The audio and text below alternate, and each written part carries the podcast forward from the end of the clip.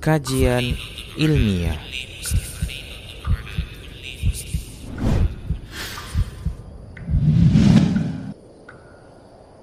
Assalamualaikum warahmatullahi wabarakatuh.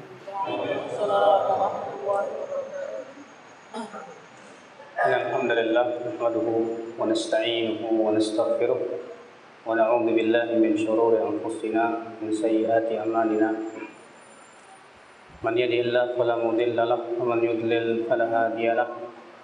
أشهد أن لا إله إلا الله وحده لا شريك له وأشهد أن محمدا عبده ورسوله. قال الله تعالى في كتابه الكريم يا أيها الذين آمنوا اتقوا الله حق تقاته ولا تموتن إلا وأنتم مسلمون أما بعد. إخوة Islam أعزكم الله وإياكم.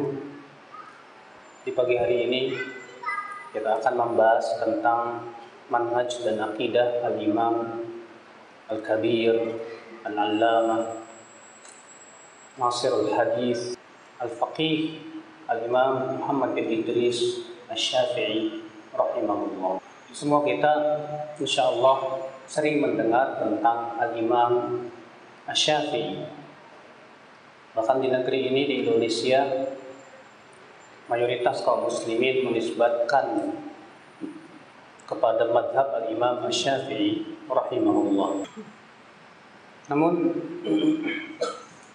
banyak yang tidak paham bagaimana akidah beliau selama ini hanya dikaji tentang fikih Al-Imam Asy-Syafi'i rahimahullah. Tapi dari sisi akidah dan manhaj beliau terkadang kita lihat banyak kaum muslimin di negeri kita kurang mengetahuinya. Lebih di negeri kita ini terkenal dengan semboyan akidah Asy'ari, fikih Syafi'i, ibadah Sufi. Kalau di Jawa seperti itu ya. Kalau dikatakan madhabmu apa? Madhab Syafi'i. Akidahmu apa? Asy'ari. Ya. Sulukmu dan ibadahmu tasawuf alias sufi. Padahal Imam Syafi'i bukan Asy'ari, bukan sufi. Akidah Al-Imam Asy-Syafi'i sangat jauh berbeda dengan akidah Al-Imam Abu Al-Asy'ari. Dan tata cara beribadah Imam Syafi'i bukan tata cara ibadah sufi, tapi, tapi Al-Imam Syafi'i rahimahullah akidah manhajnya adalah mengikuti pemahaman salafus salih ya Rasulullah dan para sahabatnya, para tabi'in dan para tabi'ut tabi'in. Dan kitab-kitab beliau menjadi saksi kepada hal itu. Dan keagungan Al-Imam Syafi'i rahimahullah sudah sangat jelas bagaikan matahari di siang bolong. Sampai-sampai kata Imam Ad-Dahabi, semua ulama yang datang setelah Al-Imam Syafi'i berhutang budi kepada beliau. Semua ulama setelah Imam Syafi'i berbuat hutang budi kepada Imam Syafi'i rahimahullah. Mengapa demikian? Karena beliaulah yang pertama kali menulis tentang ilmu-ilmu alat. Ilmu hadis, beliau yang pertama kali berbicara tentang ilmu hadis.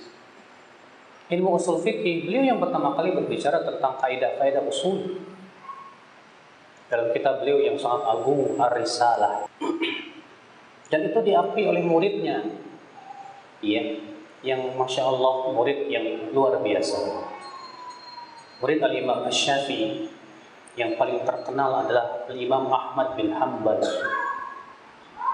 Al-Imam Ahmad bin Hanbal mengatakan apa? Laula Syafi'i ma araftu fiqh al-hadis. Kalau bukan karena Syafi'i, aku tidak akan mengetahui bagaimana memahami hadis dengan cara yang benar. Maka Al-Imam Ahmad bin Hanbal betul-betul mendulang ilmu Imam Syafi'i. Dari Imam Syafi'i lah Imam Ahmad mengetahui bagaimana nasikh mansuh, bagaimana tata cara memahami hadis-hadis Nabi Shallallahu Alaihi Wasallam, sehingga tak aneh Imam Ahmad berkata laziltu ad'u Syafi'i mundu 30 sana. Aku senantiasa mendoakan Imam Syafi'i semenjak 30 tahun yang lalu. Masya Allah. Imam Syafi'i di zamannya dikenal dengan Nasirul Hadis itu pembela hadis Nabi Shallallahu Alaihi Wasallam dan beliau sangat memerangi yang disebut dengan fanatik madhab beliau sangat memerangi yang namanya taklid buta Beliau mewajibkan murid-muridnya untuk ittiba, ya, senantiasa mengikuti dalil dari Al-Quran dan hadis Nabi Shallallahu Alaihi Wasallam.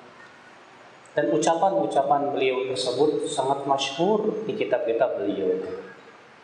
Beliau yang berkata, "Ajma'al muslimun ala annahu man istabanat lahu sunnatur rasul lam yakun an yada'a li qawli ahadin."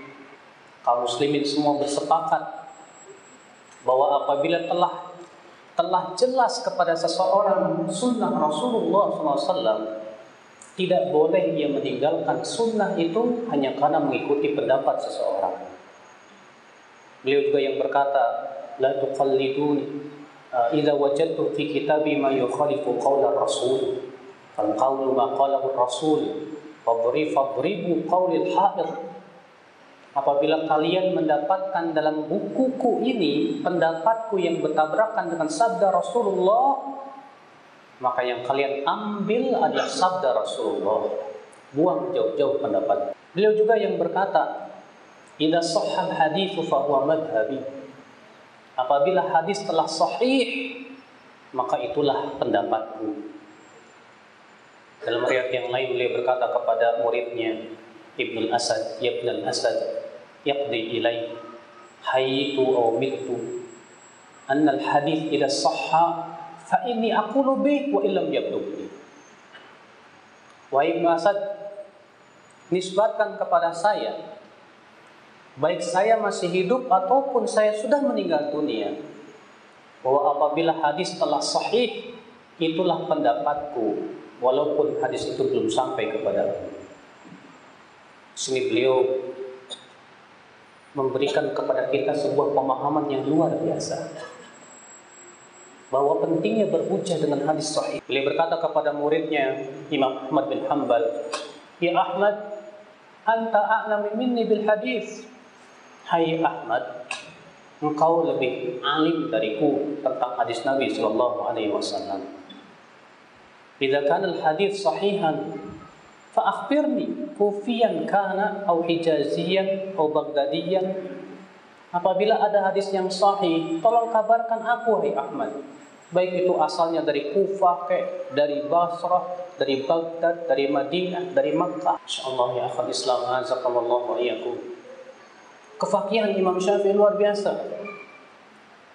Pernahkah antum melihat musnad al-Imam Syafi'i? Musnad Imam Syafi'i tipis satu jilid saja. Antum pernah lihat Musnad Imam Ahmad bin Hambal? Musnad Imam Ahmad berjilid-jilid puluhan ribu hadis. Tapi lihat bagaimana kefakihan Al-Imam Syafi'i. Walaupun beliau ya pengetahuan tentang hadisnya lebih sedikit dibandingkan Imam Ahmad bin Hambal, tapi kefakihan di dalam memahami memahami hadisnya luar biasa. Sebuah kisah bahwa ada seorang yang sengaja minta izin untuk bermalam di rumah Imam Syafi'i Untuk apa? Dia ingin melihat bagaimana ibadah Imam Syafi'i rahimahullah. Maka semalaman ia melihat dan memperhatikan Imam Syafi'i. Pokoknya dia kecewa berat Kenapa? Karena Imam Syafi'i semalaman hanya tidur dan tidur. Baru bangun ketika ada subuh berkumandang. Maka orang ini berkata, Wahai Syafi'i, aku bermalam untuk memperhatikan bagaimana ibadah engkau. Tapi ternyata semalaman kau hanya tidur. Kata beliau, aku tidak tidur tadi malam. Tadi malam aku memikirkan sebuah hadis. Nabi SAW bersabda kepada seorang anak kecil yang sedang sedih karena burung kesayangannya telah mati. Rasul bersabda, Ya Aba Umair, Mada fa'alan Nubair. Hai Abu Umair, apa yang dilakukan oleh burungmu Nubair itu? Hadis ini saya dari Bukhari dan Muslim. Fastakhrajtu minhu ya mi'atu faidah. Dan aku berhasil mengeluarkan 100 faidah dari hadis tersebut. Bayangkan. Makanya diamnya Imam Syafi'i itu ternyata mikir. Beristimbat dari hadis yang sangat kecil. Nabi hanya bersabda kepada anak kecil Hai Abu Umar apa yang dilakukan oleh burung Nuwair coba kalau antum lakukan istimbat dari hadis ini apa tapi beliau beristimbat sampai 100 100 faidah hukum. Dan itu disebutkan oleh Al-Imam Ibn Mulakim dalam syarah Bukhari. Dan beliau menambahkan lagi sampai 120 ikhwat Islam azakumullah.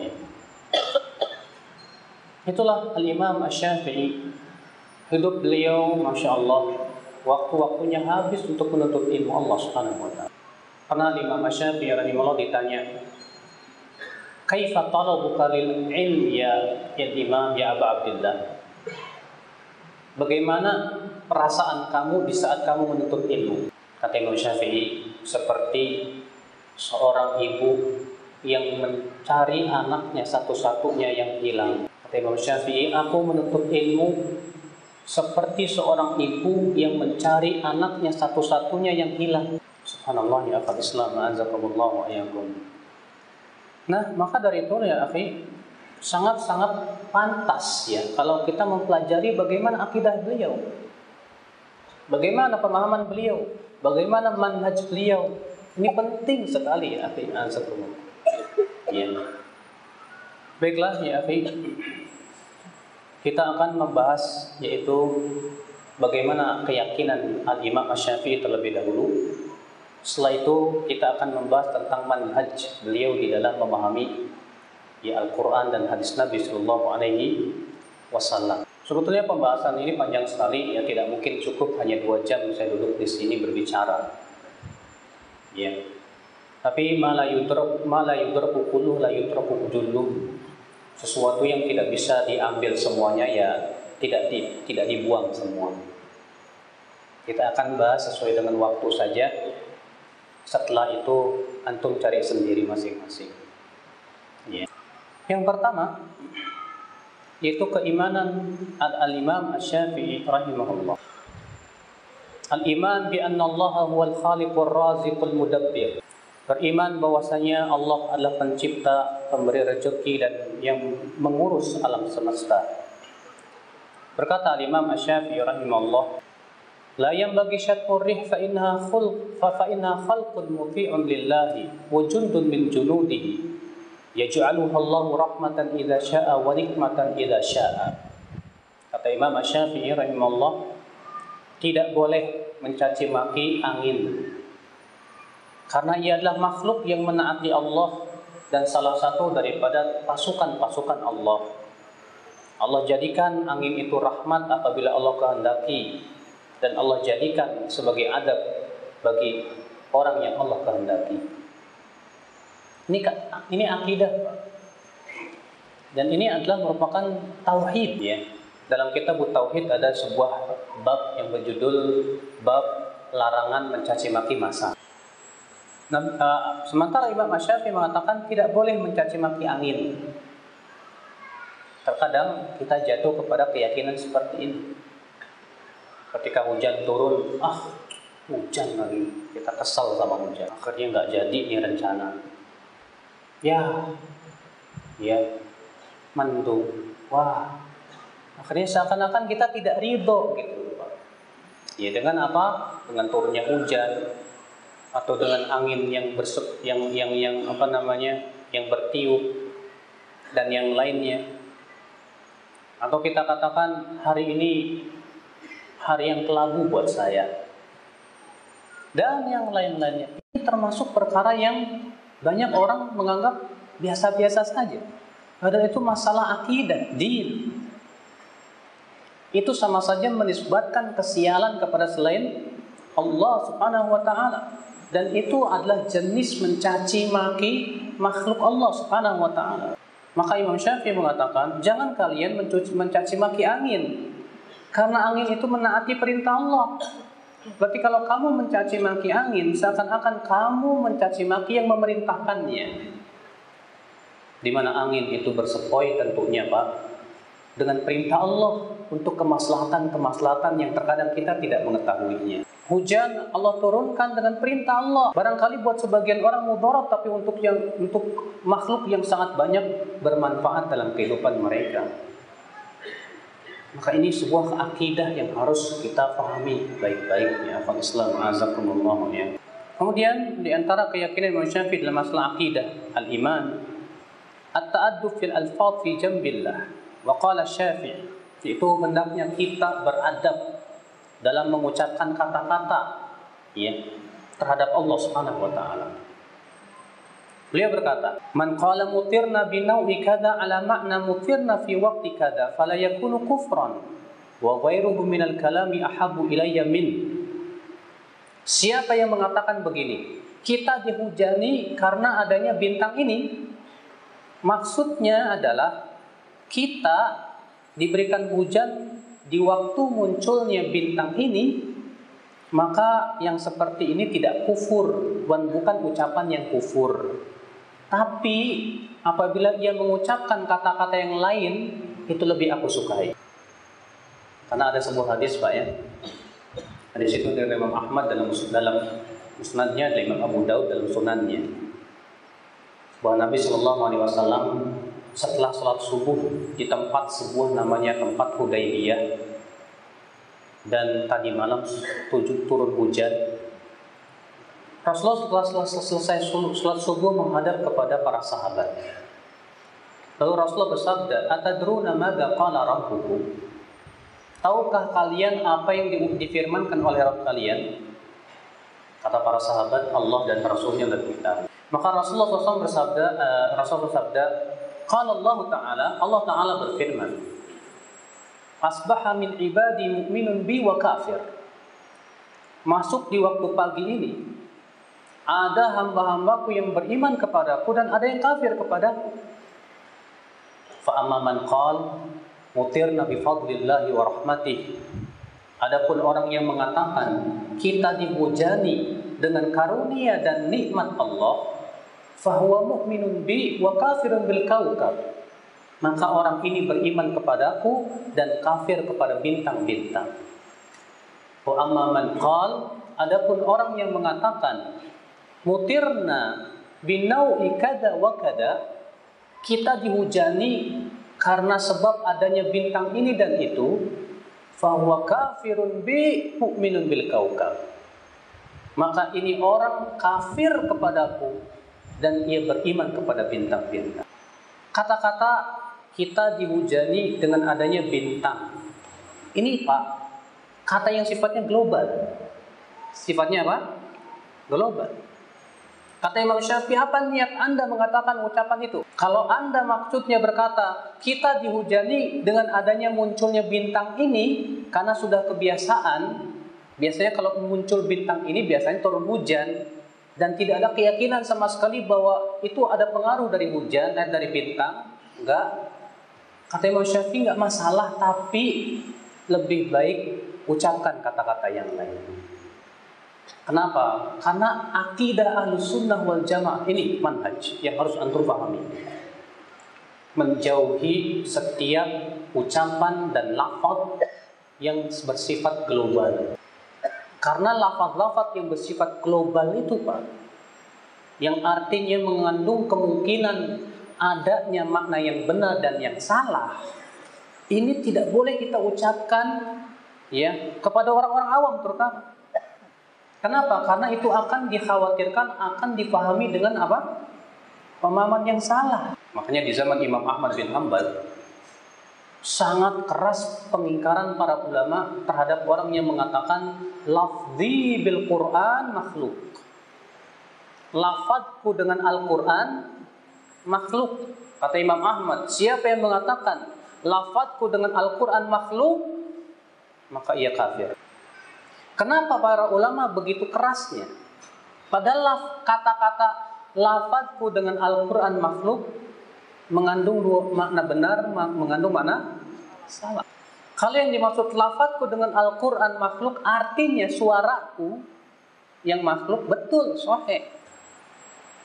Tapi kalau yang dimaksud yang aku ucapkan yaitu Al-Quran makhluk, ini jelas Jahmi. Kenapa orang-orang Jahmiyah mengucapkan lafadzku dengan Al-Quran makhluk, Pak?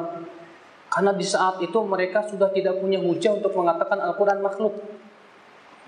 Mereka dibantai habis oleh Imam Syafi'i dan para ulama di zamannya dengan hujah dan dalil yang sangat kuat bahwa Al-Quran kalamullah bukan makhluk.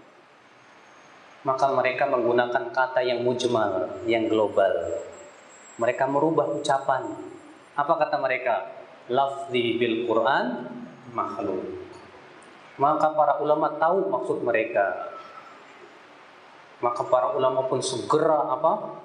mengingkari ucapan seperti itu. Sama dengan ucapan tadi, mutirna binau kada wa kada. Kita dihujani dengan adanya bintang dan ini dan itu. Ini mengandung makna yang benar, juga mengandung makna yang yang salah. Kalau ada orang berkata, kita dihujani dengan adanya bintang dan ini dan itu, dengan keyakinan bahwa bintang mempunyai pengaruh terhadap kejadian-kejadian yang ada di bumi, maka ini kafir, Pak. Ini kufur. Ya. Kalau kita mengatakan kita dihujani dengan adanya bintang ini, tapi kita tidak yakin bahwasanya bintang yang memberikan hujan. Tapi kita punya keyakinan adanya sabab musabab, maka ini termasuk syirik, tapi syirik kecil kata para ulama. Tapi kalau di kita katakan kita dihujani dengan adanya bintang, artinya sebagai tanda saja. Biasanya sih kalau muncul bintang ini akan turun hujan. Ini boleh. Ya. Kata Imam Syafi'i, kalau itu maksudnya boleh nggak masalah. Tapi jangan mengucapkan kata-kata itu. Ganti dengan kata yang lain. Ini manhaj loh Pak. Kenapa? Karena para ahli bid'ah di zaman dahulu itu sering kali menggunakan kata-kata yang global untuk mengelabui orang-orang awam. Dan itu bukan manhaj ahlus sunnati wal jamaah. Nah, ya akhal Islam azakumullah wa iyakum. Ya, niat bagaimana Imam Syafi'i memberikan kepada kita sebuah adab dalam mengucapkan kata-kata. Dalam Al-Qur'an pun demikian. Sebuah contoh misalnya Allah mengatakan, "Ya ayyuhalladzina amanu la taqulu ra'ina wa qulu dzurna wasma." Hai orang-orang yang beriman, jangan kamu mengucapkan ra'ina tapi ucapkanlah undurna. Padahal Pak, ro'ina dan undurna itu hampir sama maknanya. Tapi ketika ro'ina itu digunakan oleh orang-orang munafik untuk meledek kaum muslimin, maka Allah melarang menggunakan kata-kata itu. Demikian memang manhaj yang telah Allah tetapkan dalam Al-Quran dan hadis Nabi Shallallahu Alaihi Wasallam. Jauhi lafad-lafad yang mengandung makna-makna yang huh? global. Bisa mengandung benar, bisa mengandung salah. Ya. Akhal Islam azakumullah wa iyyakum. Kemudian yang ketiga, at-tahdhiru minasyirk wa min asbabihi. Di antara manhaj ataupun keyakinan Imam Syafi'i itu mewaspadai umat dari bahaya syirik dan sebab-sebab yang menjerumuskan kepada kesyirikan. Al-Imam Syafi'i berkata, Aqrahu an ya'dhuma makhluqun hat an yu'azzama makhluqun hatta yuj'al qabruhu masjidan makhafatal fitnati alaihi wa ala man ba'dahu minan nas.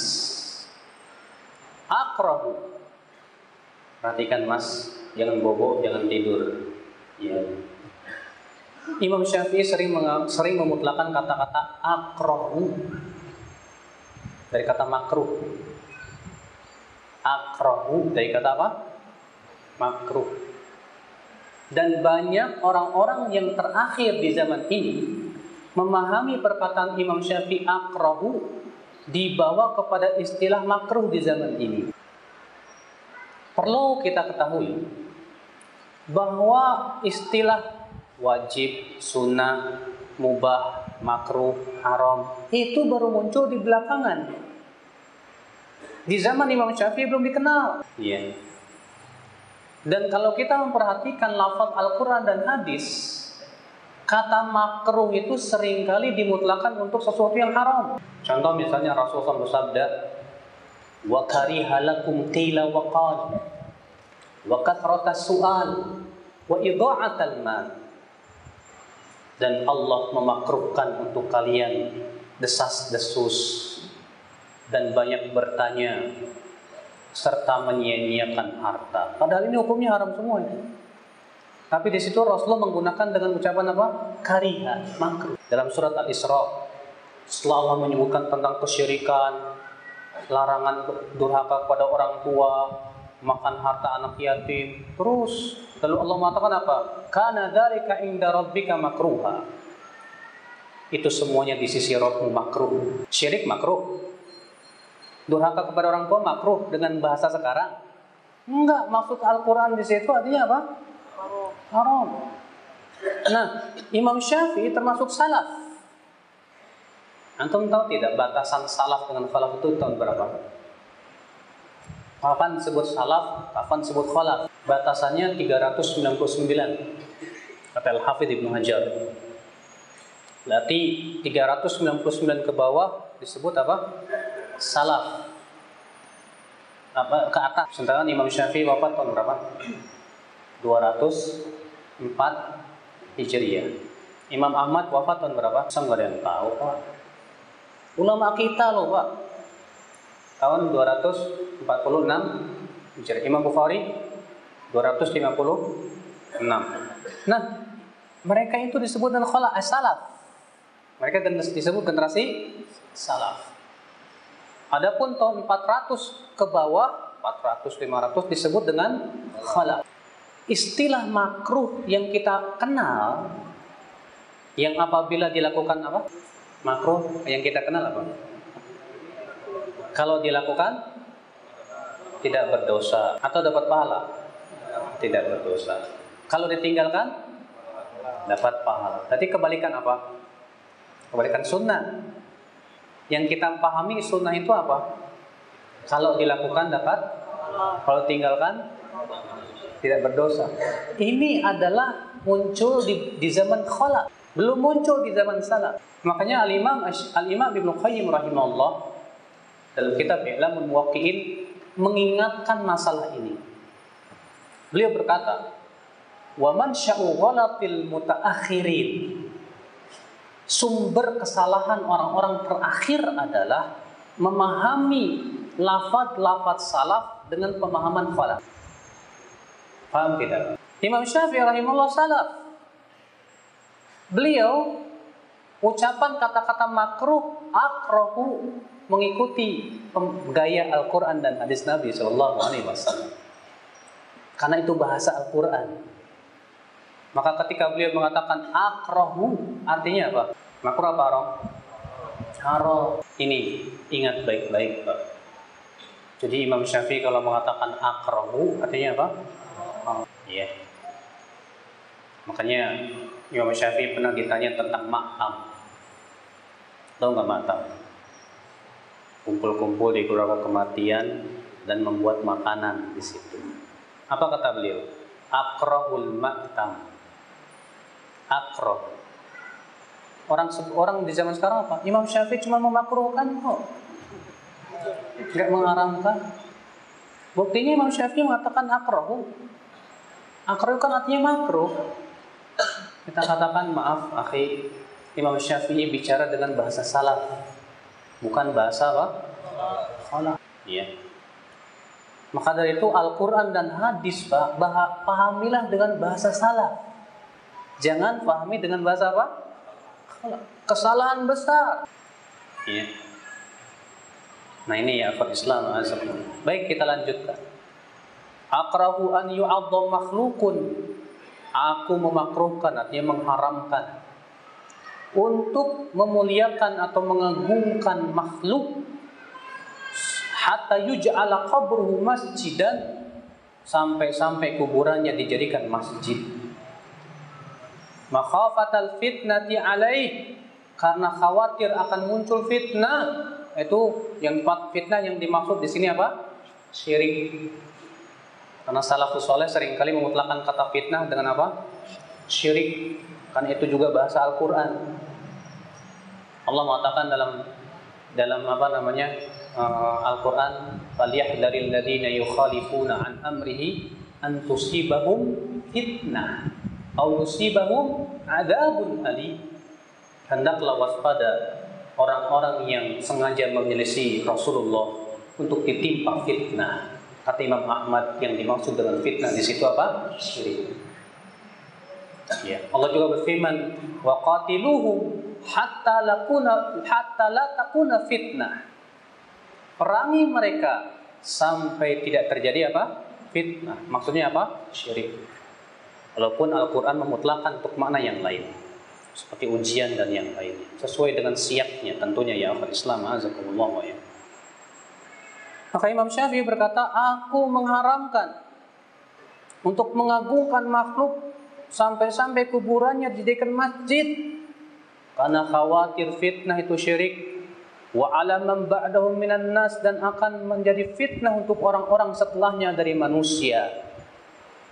Subhanallah. Ini ucapan Imam Syafi'i yang tidak dipraktekkan oleh madhab Syafi'i di zaman sekarang. Kita dapati justru di negeri kita banyak masjid-masjid ada kuburannya, Mas. Iya apa? Iya. Bahkan kuburan itu diziarahi. Untuk pergi ke Surabaya, kuburan Sunan Ampel. Sebagian ikhwah kita ada yang sengaja pergi ke sana pengen ngeliat aja. Ternyata di sana ada yang sujud sampai sujud menghadap kuburan. Dan kesyirikan ya, Islam. Dengan alasan katanya Masjid Nabawi ada ada kuburannya. Padahal yang memasukkan kuburan Nabi ke masjid itu bukan sahabat, Pak. Tapi seorang raja yang bernama Al-Walid bin Abdul Malik pada tahun 92 Hijriah. Dan itu pun diingkari oleh para ulama tabi'in di zaman itu. Perbuatan raja tidak bisa dijadikan hujah. Apalagi bertabrakan dengan sabda Nabi SAW. Nabi mengatakan, La qabri idan. Eh,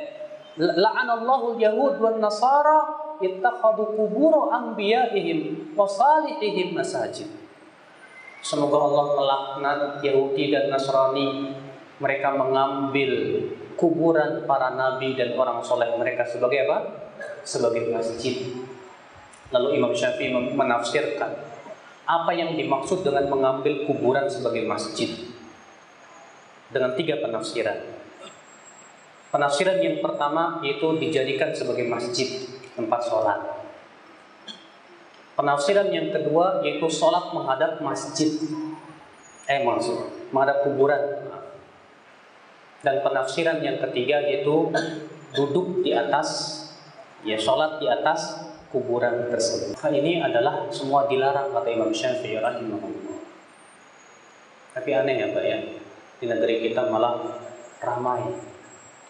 Bahkan menganggap masjid yang ada kuburannya itu lebih utama dibandingkan masjid yang ada kuburannya. Ya, untuk kalau pergi ke Jawa, ya ke pelosok-pelosok justru malah hampir di setiap masjid ada kuburannya. Susah kita jadi nyari. Allah mustahil kalau di Medan enggak? Ada juga ya. Ada juga. Ya. nah inilah ya Islam. Ternyata Imam Syafi'i mengingkari bahkan Imam Syafi'i bukan hanya memakruhkan haram enggak boleh. Akal Islam azakumullah wa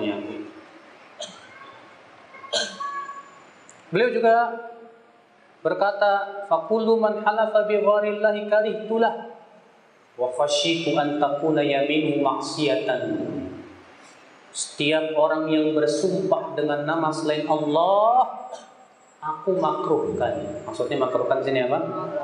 Haram aku khawatir kalau sumpahnya itu jadi maksiat kepada Allah Subhanahu wa taala lihat Imam Syafi'i Sementara di negeri kita banyak orang yang berkata apa Pak? Demi Allah, demi Rasulullah. Banyak Pak. Ya, dari orang-orang yang tidak paham. Demi Allah, demi Rasulullah. Padahal kata Rasulullah SAW apa? Man halafa man halafa bi ghairillahi faqad asyrak. Barang siapa yang bersumpah dengan nama selain Allah, maka ia telah berbuat syirik. Lihat Imam Asy-Syafi'i rahimahullah mengingatkan masalah syirik ini Pak, karena syirik itu besar Pak. Di mana di zaman kita, di, di negeri kita ini syirik dianggap biasa. Syirik dianggap gampang. Syirik dianggap tidak dianggap sebagai dosa paling besar. Di negeri kita ini banyak orang menganggap syirik terbesar itu korupsi. Eh, dosa besar apa yang paling besar itu korupsi. Ya. Bahkan ada mereka kalau yang namanya maksiat seperti zina, judi, mereka ingkari rame-rame. Memang bagus sih mengingkari kemaksiatan, walaupun tata caranya yang kita harus kritisi juga. Tapi masalah syirik dibiarkan. Padahal kesyirikan itu ya akhul Islam a'zamu dzul. Kezaliman yang paling zalim itu ya syirik. Allah mengatakan inna syirka la dzulmun azim. Sesungguhnya kesyirikan itu kezaliman yang nyata. Di Bogor itu Bang ada sebuah tempat. Di situ ada kuburan. Di dalamnya ada sembilan kuburan. Orang-orang bahkan sampai pejabat-pejabat teras atas pun juga datang ke sini. Salah satu ikhwah kita sengaja ingin survei aja dia di sana. Sebelum masuk diminta uang 100 ribu. Kemudian dia masuk situ, dia lihat dia. Rupanya penjaga kuburan nanya, Mas, mau apa kemarin? Kalau mau minta jabatan ini kuburannya. Kalau untuk enteng berjodoh ini kuburan. Jadi setiap kuburan ada tugasnya masing-masing. Bayangkan Pak, sampai demikian syiriknya. Kita ribut orang Nasrani mengatakan Tuhan itu tiga ya dari yang tiga tapi satu. Tapi kita diam orang mempersekutukan Allah dengan kuburan-kuburan yang begitu banyak. Ya. Di daerah sana juga Pak ada sebuah tempat namanya Cikunul. Itu ada sekitar 20 kuburan. Orang mau ziarah kubur di situ nanti akan ada foto kuncen-kuncennya. Silakan pilih kuncen yang mana. Di situ ada keyakinan mandi di situ bisa membersihkan dosa dan yang lainnya. Wah, masya Allah luar biasa. Kuburan. Dan selalu mereka berdalih ini kan kuburan wali. Yang namanya wali itu kan dekat di sisi Allah Subhanahu wa taala. Kita kan banyak dosa. Kita aja mau ketemu presiden harus lihat ajudan, kata mereka. Masya Allah. Inilah terkadang syubhat-syubhat yang menyebabkan mereka menganggap itu bukan syirik. Padahal Allah Subhanahu wa taala mengingkari kaum musyrikin Quraisy dari sisi sini. Antum tahu, orang-orang musyrikin Quraisy kalau ditanya siapa yang menciptakan langit dan bumi, jawab mereka apa? Allah. Mereka tidak mengatakan Lata yang menciptakan langit dan bumi, tidak. Allah mengatakan dalam surat Luqman ayat 25 apa? Wala in sa'altahum man khalaqas samawati wal ard la yaqul la yaqulun Allah. Jika kamu bertanya kepada mereka siapa yang menciptakan langit dan bumi, mereka akan mengatakan apa? Allah. Nah, Imam Al-Qurtubi membawakan sebuah asal dari Qatadah bin Di'amah Sadusi seorang tabi'in. Beliau berkata, kalau kamu bertanya kepada orang-orang musyrikin, siapa yang menciptakan langit dan bumi? Mereka mengatakan Allah. Ketika mereka ditanya, "Fama makna ibadatikum lihaula'il asnam?" Lalu apa makna ibadah kalian kepada patung-patung itu? Lata, Uzza, Manat, Hubal, itu semua nama-nama orang saleh. Apa kata mereka? Ma na'buduhum illa liyuqarribuna ila Allah zulfa. Sebagaimana Allah sebutkan dalam surah Az-Zumar. Allah mengatakan walladzina takhadu min dunihi awliya'a ma na'buduhum illa liyuqarribuna ila Allah zulfa dan orang-orang yang mengambil tandingan tandingan selain Allah itu berkata kami tidak beribadah kepada mereka enggak kecuali agar mereka mendekatkan kami kepada Allah sedekat dekat jadi mereka tidak ada niat menyembah apa namanya patung-patung itu niat mereka agar para wali ini kan orang-orang soleh bisa mendekatkan kami kepada Allah Subhanahu wa taala. Sama di zaman sekarang, ya mungkin karena ketidakfahaman atau banyak syubhat. Ketika ditanya kamu menyembah kuburan? Enggak. Siapa yang menyembah kuburan? Kami hanya menyembah Allah. Tapi kenapa kamu berdoa di sisi kuburan? Kami tidak menyem, tidak tidak berdoa kepada mayat, enggak. Kami hanya berdoa kepada Allah.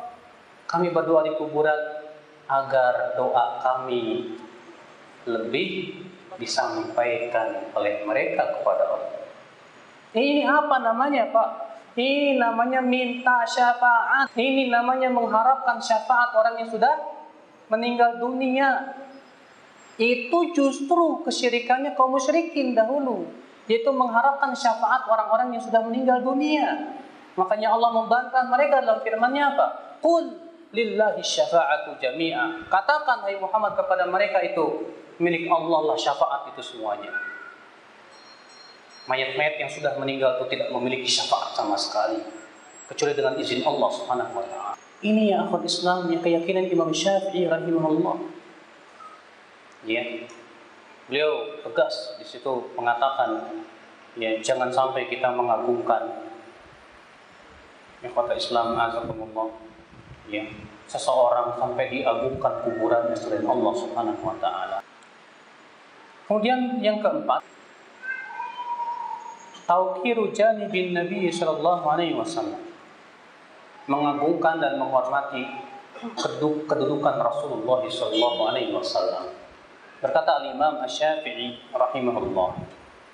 Berkata Amr bin Abi Sawad, qala li Syafi'i rahimahullah, ma a'ta Allah azza wa jalla nabiyyan ma a'ta Muhammadan sallallahu alaihi wasallam.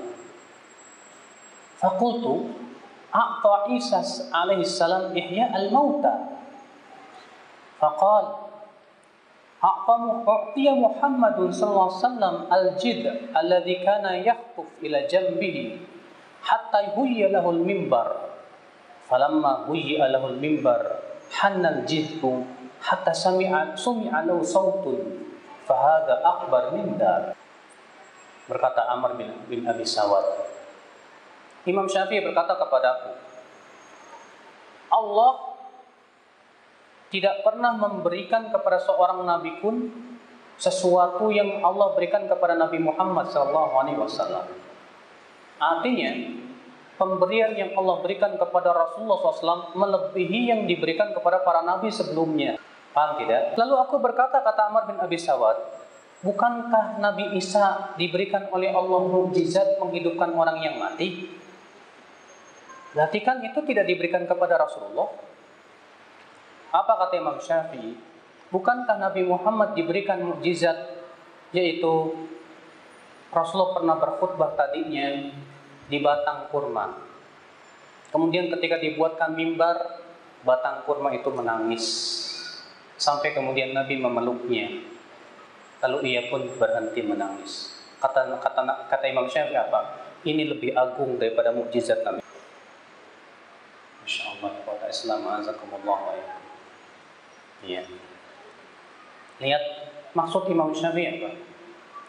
Bahwa ini lebih besar. Imam ya yang diberikan oleh Allah kepada Rasulullah lebih agung dari itu semua sebagai penghormatan kita kepada Rasulullah sallallahu alaihi wasallam ya akal Islam azakumullah kalau menghidupkan yang telah mati memang itu hak Allah Nabi Isa hanya diperintahkan saja dengan cara tertentu lalu, lalu Allah yang menghidupkan Nabi Isa hanya diberikan ya ilham oleh Allah wahyu untuk melakukan suatu perbuatan lalu Allah lah yang menghidupkan. Ya kemudian setelah itu dia mati lagi. Itu mayat yang memang tadinya hidup kemudian mati. Lalu Allah hidupkan lagi karena adanya roh kemudian mati. Ini batang nggak ada rohnya sama sekali. Ternyata ya mukjizat Rasulullah Allah jadikan dia bisa nangis Bukankah kata kata Imam Syafi'i ini lebih agung daripada itu? Jelas ya apa Islam azakumullah.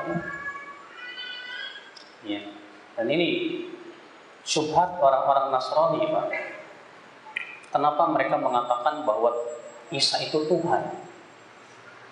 Katanya di antara sifat Tuhan adalah menghidupkan yang telah sedangkan Nabi Isa bisa menghidupkan yang telah mati. Allah, saya pernah debat ada seorang ibu, alhamdulillah ibu itu sudah ngaji. Dia bilang ke saya, Ustaz, saya punya anak murtad. Ustadz bisa nggak datang ke rumah saya untuk dialog sama dia? Kata saya baik bu insya Allah. Akhirnya saya datang. Rupanya memang sudah sangat kuat sekali pak ngeyelin pak. Saya bilang ke dia apa alasan anda mengatakan Isa itu Tuhan? Sementara dalam Injil tidak ada satupun kata-kata yang menunjukkan bahwa Isa Tuhan. Sebutkan kepada saya satu ayat Injil yang mengatakan Isa Tuhan. Apa kata dia? Buktinya, Isa bisa menghidupkan yang telah mati. Dan itu sifat Tuhan. Saya balas, Dajjal pun bisa menghidupkan yang sudah mati. Apakah Dajjal Tuhan? Diam dia. Dajjal bisa kan? Dalam hadis yang masyhur, ya, seorang pemuda ditangkap oleh Dajjal, digergaji jadi dua, lalu kemudian Dajjal berjalan di antara dua belah tubuhnya, nempel lagi hidup. Berarti Dajjal Tuhan. Ini ya akhwat Islam azakumullah. Makanya Imam Syafi'i rahimahullah mengatakan yang diberikan kepada Rasulullah lebih besar dari itu. Apa itu? Batang kayu bisa menangis, padahal dia bukan makhluk hidup itu lebih besar. Dan keyakinan kita, Pak, bahwa mukjizat yang Allah berikan kepada Rasulullah lebih banyak dibandingkan dengan seluruh nabi. Bahkan Imam Asyuti mengatakan Rasulullah diberikan oleh Allah 2000 mukjizat. Ya. Ikhwata Islam. Nah, maksud apa yang saya sebutkan tadi adalah bahwa Imam Asy-Syafi'i rahimahullah mengajarkan kepada kita sebagai umat Nabi Muhammad untuk menghormati beliau, mengagungkan kedudukan Rasulullah Sallallahu Alaihi Wasallam. Ta'zimur Rasul, memuliakan Rasul, itu adalah perkara yang wajib, bahkan itu iman yang wajib. Setiap Muslim wajib mengagungkan atau ya memuliakan Rasulullah Sallallahu Alaihi Wasallam. Walaupun tentunya memuliakan Rasulullah bukan berarti mengkultuskan sampai kepada derajat ketuhanan, bukan. Karena di kalangan kaum muslimin ya, mereka ada yang memuji Rasulullah itu Pak sampai derajat ketuhanan. Dalam qasidah yang sangat masyhur. Ya. Yang sering dinyanyi-nyanyikan di mana itu? Di surau-surau. Fa inna min qulubika inna min judika dunya wa dharratiha wa min ulumika ilmu lawhi wal qalami. Di antara kedermawananmu hai Muhammad adalah dunia dan seisinya. Dan di antara ilmumu ilmu lauhul mahfud dan qalam. Ya katanya Rasulullah tahu apa yang ada di ada di lauhul subhanallah Padahal Allah tegas mengatakan yang mengetahui yang gaib siapa? Allah. Ya. Allah berfirman, "Kul la ya'lamu man fis samawati wal ardil ghaiba illallah."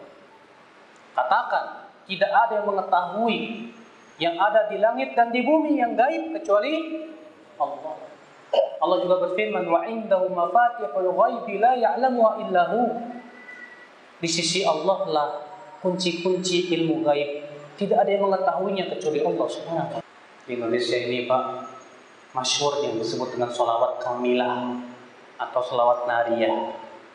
Siapa yang apa? Pernah dengar? Solawat nariyah? Kayaknya masyhur deh. Di Medan nggak? Nggak masyhur. Musolli solatan kamilatan Musolli salaman taman Ala rasulillah Alladhi tanhallu bil uqadu qurabu wa tuqda bihil hawaiju wa tunalu bihil raghaibu. Aku bersalawat untuk Rasulullah dengan salawat yang sempurna dan aku ucapkan salam dengan salam yang sempurna yang dengan Rasulullah. Ya maka lepas semua ikatan-ikatan dengan Rasulullah maka hilang semua musibah. Ya dan bencana dengan Rasulullah akan terpenuhi semua kebutuhan. Dengan Rasulullah akan diraih semua keinginan. Bayangin Pak, sampai begitu. Dan ternyata salawat kamilah ini Pak, yang membuatnya orang belakangan. Tidak ada sanatnya sampai ke Rasulullah Sallallahu Alaihi Wasallam. Nah inilah ya Islam, Alhamdulillah wa Baik, yang kelima. Akidah beliau tentang asma dan sifat. Nah ini akan antum lihat bahwa Imam Syafi'i bukan Ash'ari. Kalau Ash'ari hanya menetapkan berapa sifat? 20 sifat. Wujud tidak baqa mukhalafatun lil awadisi qiyamuhu binafsihi dan seterusnya. Siapa yang masih ingat? Itu sifat masyhur Pak. Dulu waktu SD, SMP diajari itu Pak. Itu namanya sifat wajib. Jadi Allah wajib bersifat ini. Selain itu haram. Seakan-akan kita yang ngatur. Ngatur Allah. Ya Allah, engkau wajib punya sifat ini ya. Dan engkau nggak boleh punya sifat ini. Enak aja masa Allah diatur sama kita kewajiban kita justru harusnya mengikuti apa yang Allah kabarkan tentang dirinya. Bukan kita ngatur Allah subhanahu wa ta'ala. Ya. Siapa Abu Hasan al-Ash'ari? Jadi Ash'ari itu disebutkan kepada Abu Hasan al-Ash'ari. Sebetulnya Imam Abu Hasan al-Ash'ari itu dalam hidupnya melewati tiga fase. Fase yang pertama fase Mu'tazilah. Karena memang beliau punya ayah tiri pentolannya Mu'tazilah al-Jubba'i. Kemudian beliau sering debat dengan ayahnya, banyak beliau tidak puas.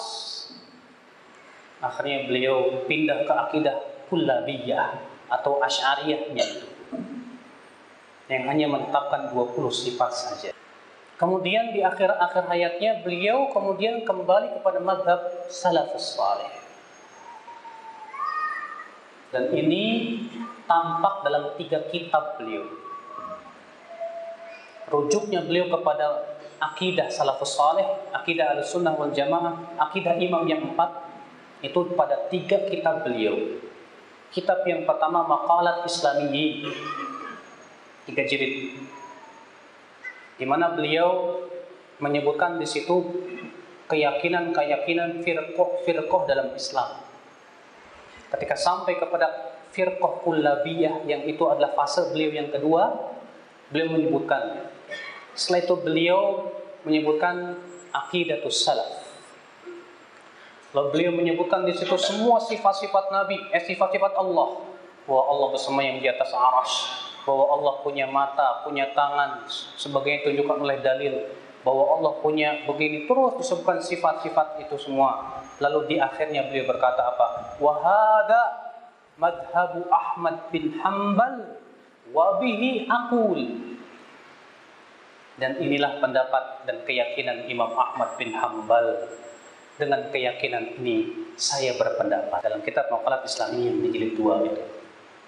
Beliau menyatakan rujuknya jelas. Kitab yang kedua yaitu Al-Ibanah. Ya, an syariatid diyana. Namun al-ibadah ini diingkari oleh kaum Asy'ari di zaman ini bahkan mengatakan katanya kitab Ibana itu dusta atas nama Abu Hasan al Ashari.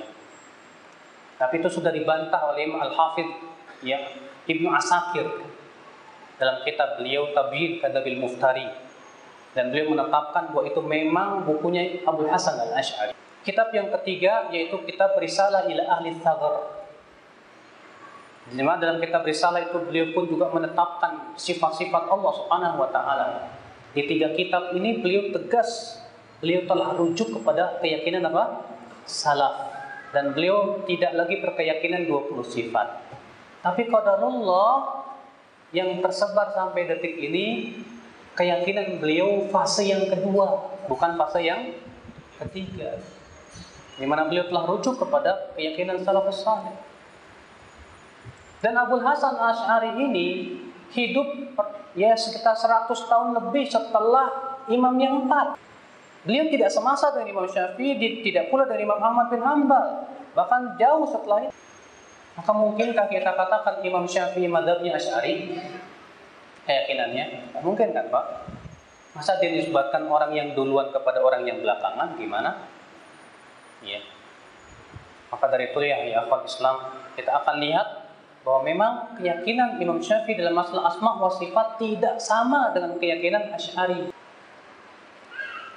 Baik ya akhwat Islam, Imam Syafi'i berkata dalam kitab Ar-Risalah di muqaddimahnya Alhamdulillahilladzi huwa wasafa bihi nafsahu wa fawqa ma yasifu bi khalquhu Segala puji bagi Allah sebagaimana Allah mensifati dirinya dan melebihi yang disifati oleh makhluknya. Lihat Imam Syafi'i memberikan kaidah dalam masalah asma was, was sifat. Apa kata Imam Syafi'i? Segala puji bagi Allah sebagaimana Allah mensifati dirinya. Maksudnya Imam Syafi'i apa? Artinya kita wajib mensifati Allah sebagaimana Allah mensifati dirinya bukan sebagaimana menurut kita. Sementara orang-orang Asy'ari mensifati Allah menurut akal-akal mereka. Makanya ketika orang Asy'ari ditanya, "Kalian kenapa mensifati Allahnya 20 saja? Enggak 30, enggak 40?" Apa kata mereka? Karena itu yang masuk di akal. Iya, jawabannya begitu. Karena itu yang masuk di akal. Selain itu nggak masuk di akal. Iya, nggak masuk di akal. Iya. Padahal sebetulnya akalnya yang error, Pak. Akal yang sehat mengatakan semua sifat Allah sesuai. Apa masuk akal semuanya? Saya berikan contoh. Kenapa si orang Asy'ari tidak mau mengatakan Allah bersemayam di atas aras? Nggak mau.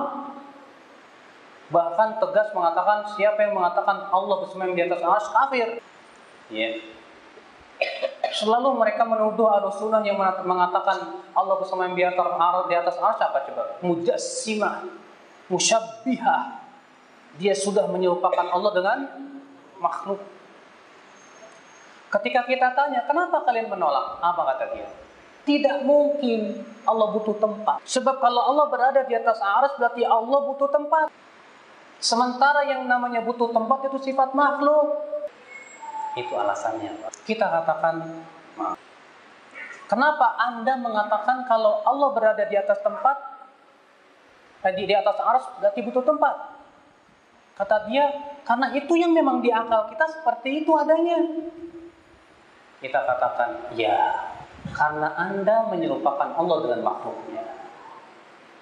Yang namanya makhluk, kalau berada di tempat, berarti berada di tempat, di, berada di suatu, berarti butuh tempat.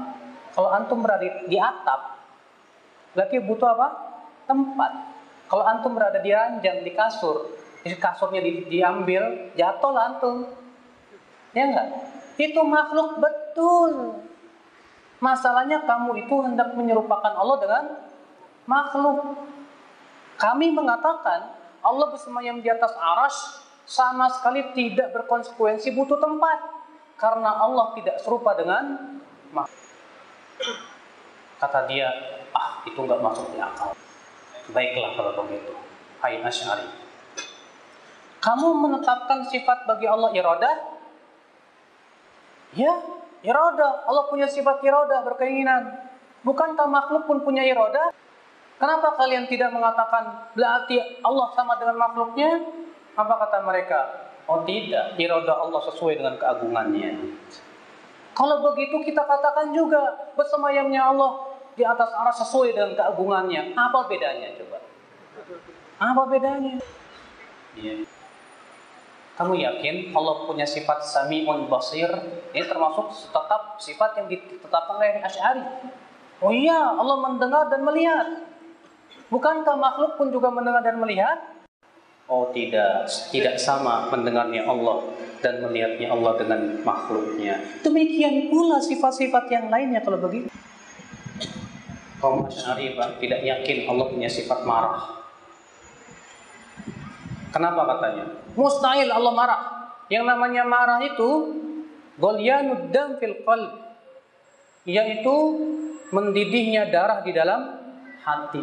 Ini sifat makhluk. Nggak mungkin Allah punya sifat marah. Ya. Kita katakan sama dengan yang kita sebutkan tadi. Oke deh. Lalu kenapa kalian tetapkan sifat iroda untuk Allah Subhanahu wa taala? Selalu ucapan begitu. Irada Allah tidak sama dengan irada makhluk. Kalau gitu kita katakan marahnya Allah tidak sama dengan marahnya makhluk. Selesaikan. Lalu kenapa harus dibeda-bedain gitu? Subhanallah ya akal Islam. Maka Imam Syafi'i mengatakan di sini, Alhamdulillah alladhi huwa kama wasafa bihi nafsahu wa fawqa ma yasifu bihi khalquhu. Segala puji bagi Allah sebagaimana Allah sifati dirinya dengannya dan melebihi apa yang disifati oleh makhluknya. Lihat. Artinya, kalau makhluk menganggap sifatnya begini, Allah lebih dari itu. Karena sifat Allah, ya, kesempurnaan Allah mengharuskan sifatnya pun tak, ya, sangat banyak dan tak terbilang. Ya. Berkata Ibn Abi Hatim, Haddatsana Yunus bin Abdul A'la al-Aili qal Sami'tu Aba Idris Aba Abdullah Muhammad bin Idris Asy-Syafi'i rahimahullah yaqul Berkata Ibnu Abi Hatim, tahukah Ibnu Abi Hatim? Ibnu Abi Hatim itu penulis kitab Al-Jarh wa Ta'dil. Dan beliau anak dari seorang ulama besar yang bernama Abu Hatim Ar-Razi. Abu Hatim ini ulama hadis yang terkemuka di zamannya. Mungkin antum baru dengar juga ya. Ya. Itu harus banyak kenalan sama ulama, Mas. Jangan cuma pemain sepak bola diapalin. Ya, terkadang banyak kaum muslimin kalau ditanya sepanjang pemain sepak bola sampai apa tuh? Lini depan, lini belakang, siapa-siapa namanya. Oh, Masya Allah. Gak bagus tuh. Yang bagus tuh ngapalin ulama-ulama kita, Pak. Ya. Abu Hatim Ar-Razi berkata Ibn Abi Hatim, Haddatsana Yunus bin Abdul A'la. Yunus bin Abdul A'la ini temannya Imam Syafi'i rahimahullah. Dan beliau yang memuji, banyak memuji Imam Syafi'i. Beliau berkata, "Ma ra'aitu aqal min Syafi'i." Aku belum pernah melihat ada orang yang lebih berakal dari Imam Syafi'i. Pernah suatu ketika aku berdebat pada suatu permasalahan dan berselisih dengan dia. Setelah itu dia memegang tanganku dan berkata, "Wahai Yunus, apa yang menghalangi kita untuk kita selalu bersama walaupun kita berselisih, berselisih dan permasalahan istihadiyah maksudnya?" Ya. Berkata Yunus bin Yazid bin Abdul A'la, "Qal sami'tu Aba Abdullah, aku mendengar Abu Abdullah. Abu Abdullah itu artinya kunyah beliau ya. Namanya Muhammad bin Idris Asy-Syafi'i rahimahullah yaqul Wa qad su'ila an sifatillah ta'ala wa ma yu'minu bih. Dan Imam Syafi'i telah ditanya, beliau ditanya tentang sifat-sifat Allah dan apa yang diimani oleh beliau. Maka beliau berkata faqal lillahi ta'ala asma'un wa sifatun jaa biha jaa biha kitabuhu wa akhbara biha nabiyyuhu sallallahu alaihi wasallam ummatahu la yas'u ahadan min khalqillahi ta'ala qamat 'ala al-hujjah radduha لأن القرآن نزل بها وصح عن رسول الله صلى الله عليه وسلم القول بها فيما روي عنه العدل فيما روى عنه العدل. فإن خالف ذلك بعد ثبوت الحجة عليه فهو كافر. فأما قبل ثبوت الحجة عليه فمعذور بالجهل لأن علم ذلك لا يدرك بالعقل ولا بالرؤية والفكر. wala ya, wala yufak wala yufakir bil jahl biha ahadun illa ba'da khabar biha. Wa nuthbitu hadhihi sifat wa nunfi anha tashabbuh kama nafa an-nafsi faqala kita akan terjemahkan sedikit-sedikit ya. Karena panjang perkataan beliau ini, ini aja belum selesai. Beliau berkata Allah memiliki nama-nama dan sifat-sifat yang ditunjukkan oleh Al-Quran dan dikabarkan oleh Nabi Shallallahu Alaihi Wasallam kepada umatnya. Maka tidak boleh untuk men, siapa pun dari manusia menolak ya apa yang telah tegak hujah padanya. Karena Al-Qur'an telah menurunkan ayat-ayat tentang sifat. Rasulullah SAW juga telah mengabarkan demikian. Sebagaimana diriwayatkan oleh para para yang adil. Siapa yang menentang setelah tegaknya hujah maka ia kafir adapun kalau belum tegak hujah maka diberikan udur dengan ke kebodohan dia. Karena ilmu tentang sifat itu tidak bisa diketahui oleh akal. Tidak pula dengan melihat dan berpikir. Maka tidak boleh seseorang berpikir dengan kebodohan kecuali setelah dia sampai kepadanya berita dari Rasulullah SAW dan kita tetapkan sifat tapi kita tidak menyerupakan Allah dengan makhluknya sebagaimana Allah meniadakan bahwa Allah tidak serupa dengan makhluknya Allah berfirman laisa kamitsli syai wa huwas samiul basir Allah tidak serupa dengan apa pun juga dan dia maha mendengar lagi maha apa? melihat sampai beliau berkata Nahu ikhbarillahi subhanahu iyana anau sami'un basir. Contohnya kata Imam Syafi'i yaitu sifat Allah mendengar dan melihat. Wa anna lahu yadain dan bahwasanya Allah memiliki dua tangan. Allah berfirman, "Bal yadahu mabsutatan." Justru kedua tangan Allah terbuka. Ya. Wa anna lahu yaminan dan bahwasanya Allah punya tangan kanan. Allah memiliki bahwa bahwasanya tangan Allah itu kanan. Allah berfirman, "Was-samawati matwiyatum biyamini." Dan langit itu akan dilipat dengan tangan kanan Allah. Wa anna lahu wajhan, bahwa Allah punya wajah berdasarkan firman Allah, "Kullu syai'in halikun illa wajhah." Segala sesuatu akan binasa kecuali wajahnya. Dan juga Allah berfirman, "Wa yabqa wajhu rabbika dzul jalali wal ikram." dan akan kekal wajah Rabbmu, pemilik keagungan dan kemuliaan. Wa analau qadaman dan aku meyakini bahwasanya Allah punya kaki berdasarkan firman sabda Rasulullah SAW hatta yadu'a rabbu fiha qadama. Sampai Allah meletakkan kakinya dalam api neraka dalam hadis yang sahih. Ya. Yakni jahannam wa annahu yadhaq min abdil mu'min dan bahwa Allah punya sifat tertawa. Ya.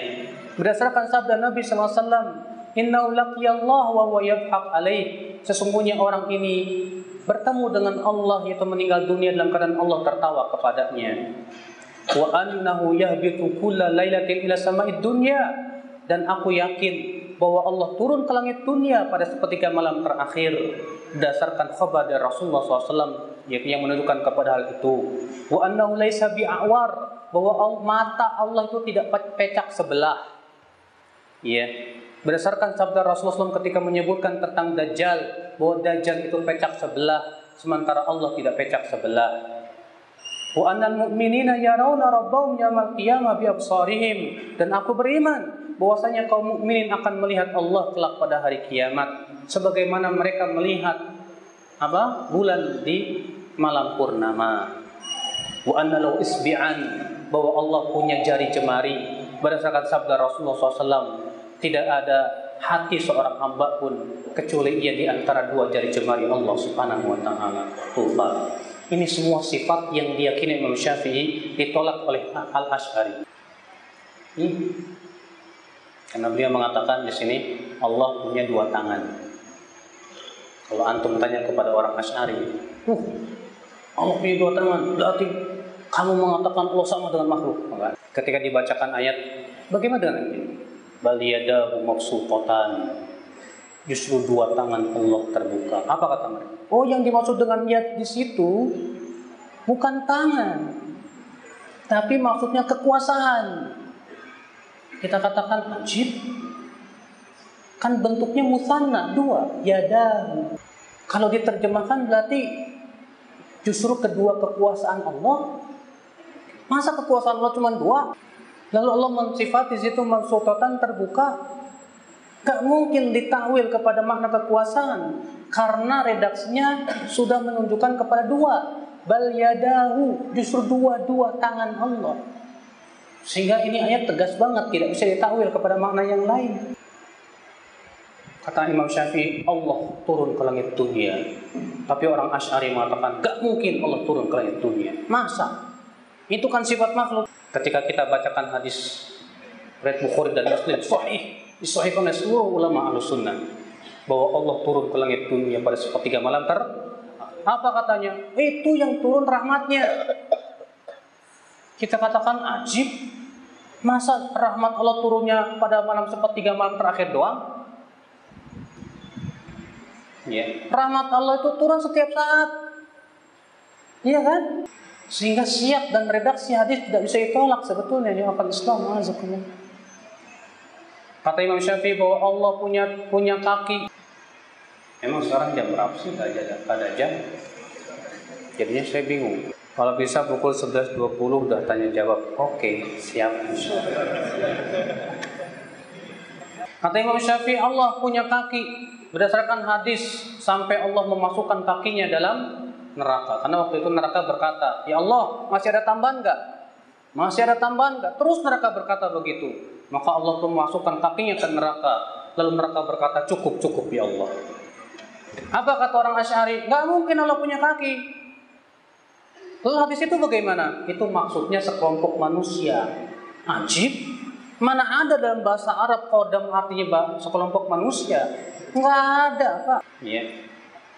Silakan antum tanya orang Arab mana pun juga yang namanya kodam itu ya kaki. Makanya kan sepak bola bahasa Arabnya apa? Kuratul kodam. Bola kaki. Ya akhwat Islam azakumullah ya. Inilah ya akhi azakumullah ya. Maka ini semua sifat yang diyakini oleh Imam Asy-Syafi'i rahimahullah. Dan tentunya yang beliau imani itulah yang diimani oleh seluruh ulama di zamannya. Antum pernah baca buku yang berjudul Aqidatu A'immatil Amsar. Akidah ulama di seluruh negeri. Yang ditulis oleh Imam Ibnu Abi Hatim dan Imam Abu Zur'ah Ar-Razi. Keduanya ulama salaf, bukan khalaf. Kalau Ash'ari ulama khalaf. Ash'ari Abu Hasan Ash'ari itu termasuk khalaf. Ya. Imam apa namanya? Ibnu Abi Hatim dan Abu Hatim Ar-Razi ini salaf. Menulis kitab Aqidatu A'immatil Amsar di mana? Ya. Abu Zur'ah dan Ibnu Abi Hatim ini ditanya. Beliau menulis tentang keyakinan seluruh ulama yang engkau dapati di negeri-negeri yang kalian datangi itu. Maka beliau mengatakan kami mendapati ulama-ulama di berbagai macam negeri. Semuanya berkeyakinan, kemudian disebutkan keyakinan-keyakinan. Banyak di sini. Kemarin bulan puasa saya kaji di TV Roja 20 hari habis alhamdulillah. Kajian kitab Aqidatu A'immatil Amsar. Dan keyakinannya tidak ada bedanya dengan apa yang diyakini Imam Syafi'i, Imam Ahmad dan yang lainnya. Ikhwata Islam, Alhamdulillah. Kemudian yang selanjutnya, iqrarun nususi sifat ala zahiriha. Bahwa Imam Syafi'i mewajibkan mengimani ayat-ayat sifat dan hadis-hadis tentang sifat sesuai dengan lahiriahnya. Tidak boleh ditakwil kepada makna yang lain. Saya ingin sedikit menjelaskan apa itu makna takwil. Takwil itu artinya memalingkan makna yang tampak kepada makna yang lain. Contoh, kalau saya berkata kepada antum, saya melihat singa. Saya melihat makna yang tampak dari singa apa? Binatang buas. Singa, ya kan? Jangan dipalingkan kepada yang lain. Oh, mungkin maksudnya beliau itu lelaki yang gagah berani kali. Gak boleh. Haram, Pak kita mentakwil ucapan seseorang yang tampak kepada makna lain dengan tanpa bukti dan dalil. Sebab kalau kita memahami duluan makna lain, rusak pemahaman kita semua. Bahkan dalam ucapan kita sehari-hari. Nah, pergi kamu ke pasar nak beli kambing sana. Baik ya, pulang bawa ayam. Loh, kok kamu bawa ayam? Maksud kambing menurut saya itu Ya ayam. Karena itu kan binatang ternak juga sama. Bego kamu kata ayam. Masa kambing sama dengan ayam? Nah, Pak, itulah dampak takwil. Dampak takwil itu artinya apa? Oh, maksudnya ini begini. Sebuah kesalahan memalingkan makna yang tampak kepada makna yang lain dengan tanpa apa? Dalil. Kalau antum disuruh sama guru, tolong ambilkan pulpen.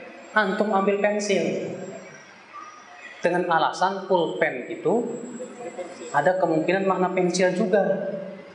Salah besar antum. Pasti dimarahin sama gurunya. Saya suruh ambil pulpen, kok nggak sebut ambil pensil sih? Nah, demikian pula begini. Ketika Allah mengatakan dalam Al-Quran, justru kedua tangan Allah terbuka. Apa kata mereka? Bukan tangan maksudnya, tapi kekuasaan. Karena yad itu kan di antara maknanya kekuasaan. Betul, tapi kan itu siapnya nggak mungkin makna lain. Karena itu musanna hanya dua. Justru kedua tangannya tidak mungkin dua kekuasaan. Ya, takwil namanya. Kalau memang ada dalil yang harus kita memahami kepada itu, boleh nggak masalah mentakwil ya membawa makna yang tampak kepada makna lain yang tidak tampak karena adanya dalil boleh ini disebut dengan takwil yang sahih. Disebut dengan apa? Takwil yang sahih. Kalau tanpa dalil itu namanya takwil yang fasid yang rusak yang tidak boleh. Haram hukumnya paham nggak pak? Nah pak. Ya. Orang-orang Al-Sunnah wal Jamaah punya keyakinan bahwa mentakwil sifat-sifat Allah itu haram. Kecuali kalau ada dalil yang jelas dari Allah dan Rasulnya. Ya. Imam Asy-Syafi'i rahimahullah ya berkata menyebutkan tentang wajibnya memahami sesuai dengan lahiriahnya. Kata Imam Syafi'i, "Amantu billah wa bima ja'a an rasulillah wa ala muradillah wa amantu bi rasulillah wa bima jaa an rasulillah wa ala muradi rasulillah aku beriman kepada Allah dan apa-apa yang datang dari Allah sesuai dengan apa yang Allah inginkan. Dan aku beriman kepada Rasulullah dan apa-apa yang datang dari Rasulullah sesuai dengan yang Rasulullah inginkan. Yeah dan diriwayatkan dari Rabi demikian pula dari sahabat-sahabat Imam Syafi'i. Ya annahu kana yuqiru bi ayati sifat wa ahadithaha kama ja'at min ghairi taqifin wala tashbih wala ta'tilin wala tahrif ala tariqati salaf wa Imam Syafi'i menetapkan ayat-ayat sifat dan hadis-hadisnya sesuai dengan lahiriahnya dengan tanpa mempertanyakan bagaimana tata caranya dan tanpa menyerupakan Allah dengan makhluknya dan tanpa menolak sifat-sifatnya, tidak pula merubah-rubah maknanya sesuai dengan pemahaman salafus saleh. Ini keyakinan Imam Asy-Syafi'i rahimahullah. Begitu, Pak. Tapi terkadang kita dituduh juga mentakwil, Pak. Buktinya kalian mentakwil hadis. Apa? Rasulullah bersabda, Ya'ti yaumal qiyamah, Al-Quran ya'ti yaumal qiyamah nanti Al-Quran akan datang pada hari kiamat Hah? Memberikan syafaat kepada apa? pelakunya. Tuh. Secara lahiriah itu menunjukkan Al-Quran itu datang nanti pada hari kiamat. Berarti makhluk tuh Al-Quran. Sementara kalian punya keyakinan Al-Quran bukan? Makhluk kayak anu sunnah. Lalu apa makna menurut kalian Al-Quran dalam hadis itu? Kata ahlu sunnah maknanya adalah pahala. Tuh kan kalian mentakwil. Kalian melarang kami mentawil, kalian sunnah mentawil. Maka Allah sama, sama sunnah menjawab, kami menakwil karena adanya dalil.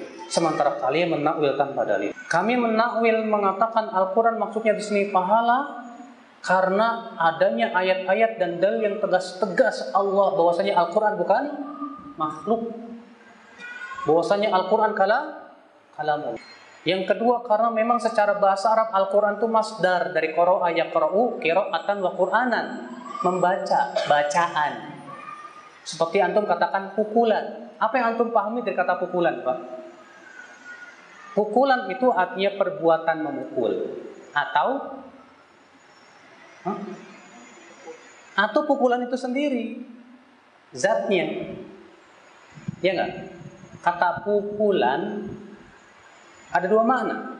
Makna yang pertama apa? Hah? Perbuatan memuk apa per, perbuatannya? Atau yang kedua apa?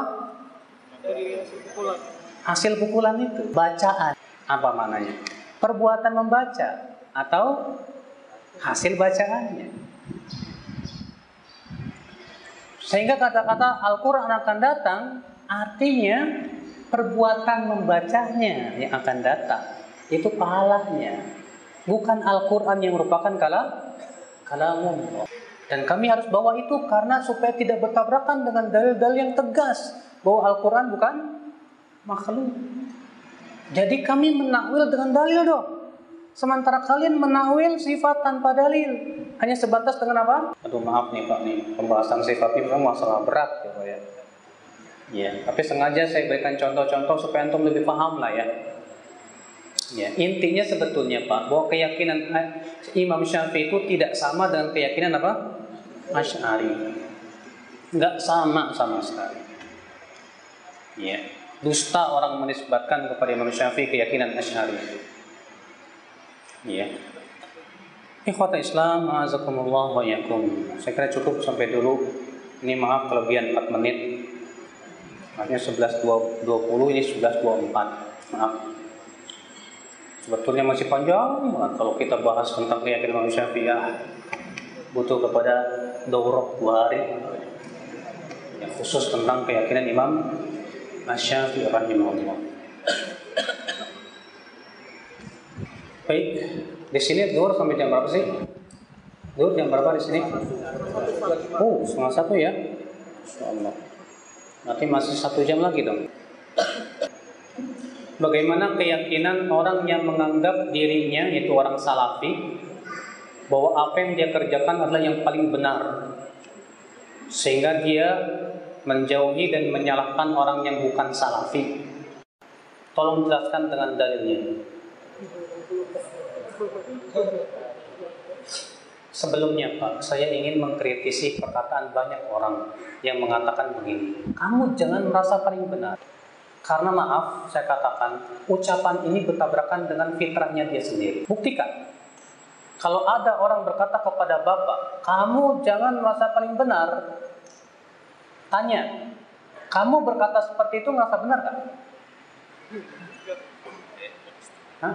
Iya, kalau ada orang berkata kepada Bapak, kamu jangan merasa paling benar. Balikan. Bapak ngomong gitu merasa benar, benar nggak? Benar sih. Ya udah sama aja berarti. Ya kan? Fitrah orang, Pak. Yang kedua, ada nggak sih di dunia yang mengatakan saya paling salah sendiri? Saya paling sesat sendiri. Ada nggak? Fir'aun saja semua kita yakin. Fir'aun pentolannya tauhid ini. Allah mengatakan dalam surat Ghafir, qala Fir'aun ma urikum illa ma ara wa ma ahdikum illa sabila rasyad. Berkata Fir'aun, aku tidak memandang untuk kalian kecuali apa yang aku pandang baik. Dan aku tidak membimbing kalian kecuali kepada jalan kebenaran. Uh, itu Fir'aun ngomongnya begitu, Pak. Fir'aun gak ngerasa dirinya sesat? Yang ketiga, Pak. Orang yang mengatakan jangan merasa paling benar sendiri, pasti kalau diamalkan jadi pelin Coba deh. Fatihah sholat Allahu Akbar. Kamu letakkan di mana? Di dada. Jangan merasa paling benar sendiri ya. Terus gimana dong? Ke bawah. Kok di perut? Jangan merasa paling benar sendiri. Terus yang benar yang benar yang mana ini? Ini apa ini? Apa ini? Pasti pelin pak, benar pak. Pelin. Justru ketika kita merasa benar itulah kita berjalan. Di atas itulah kita berjalan. Kalau ada orang merasa paling benar, tapi hujahnya Al-Quran, hadis, ijma, wajib merasa paling benar. Karena Al-Quran, hadis, dan ijma tidak mungkin salah. Iya tidak? Kalau ada orang merasa paling benar, pasti tanya dalilnya, nggak ada. Ini salah. Jadi kalau merasa paling benar, karena adanya hujah dalil yang sangat kuat dari Al-Quran, hadis, dan ijma, boleh nggak masalah.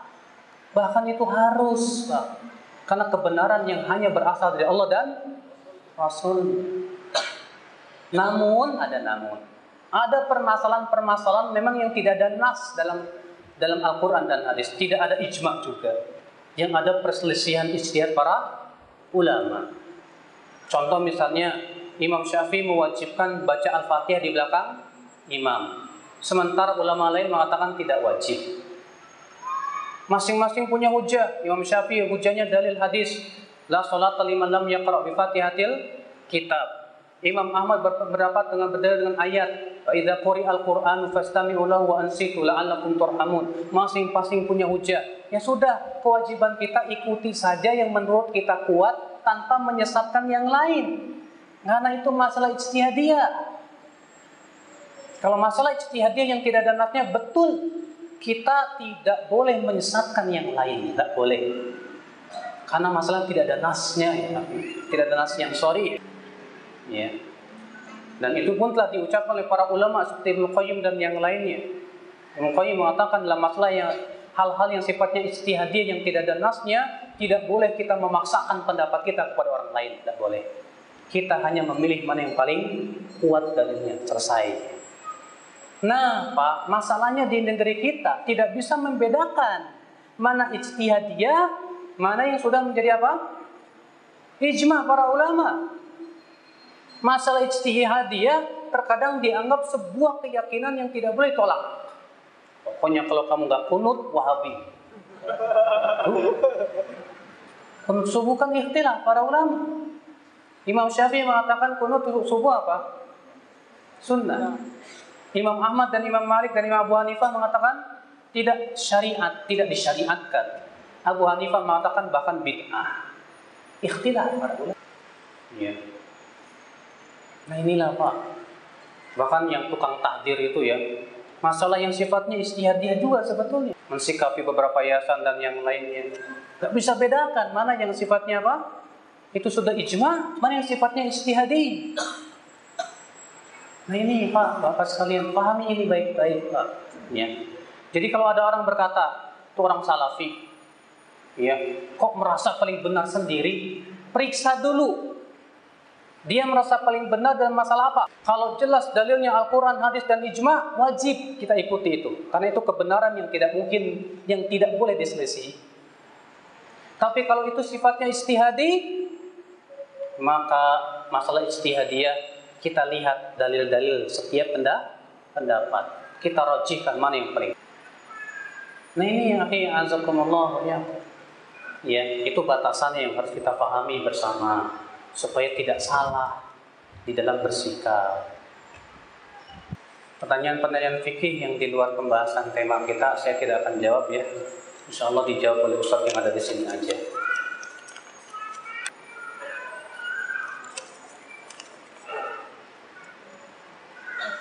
Adakah perkataan Imam Syafi'i yang memisahkan bid'ah hasanah dengan bid'ah dolalah? Ada.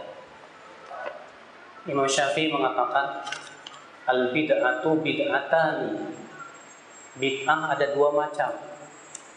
Bid'atun mahmudatun, bid'ah yang terpuji. Wa bid'atun madmumatun, bid'ah yang tercela. Kita dulu, jangan berhenti sampai situ.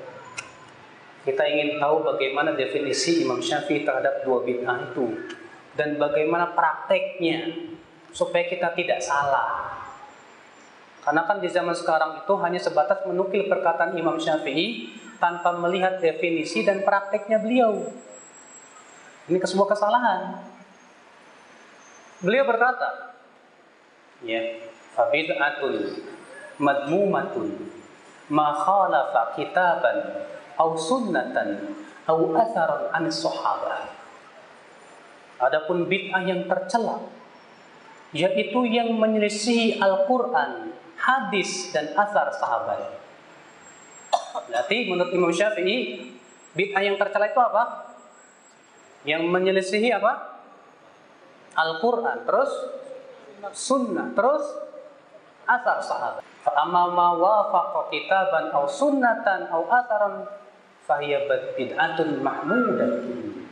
Adapun yang sesuai dengan Al-Quran, hadis dan atar sahabat, maka itu terus. Baik praktek Imam Syafi'i menganggap makam berkumpul di keluarga kematian dan makan-makan di situ termasuk bid'ah tercela haram.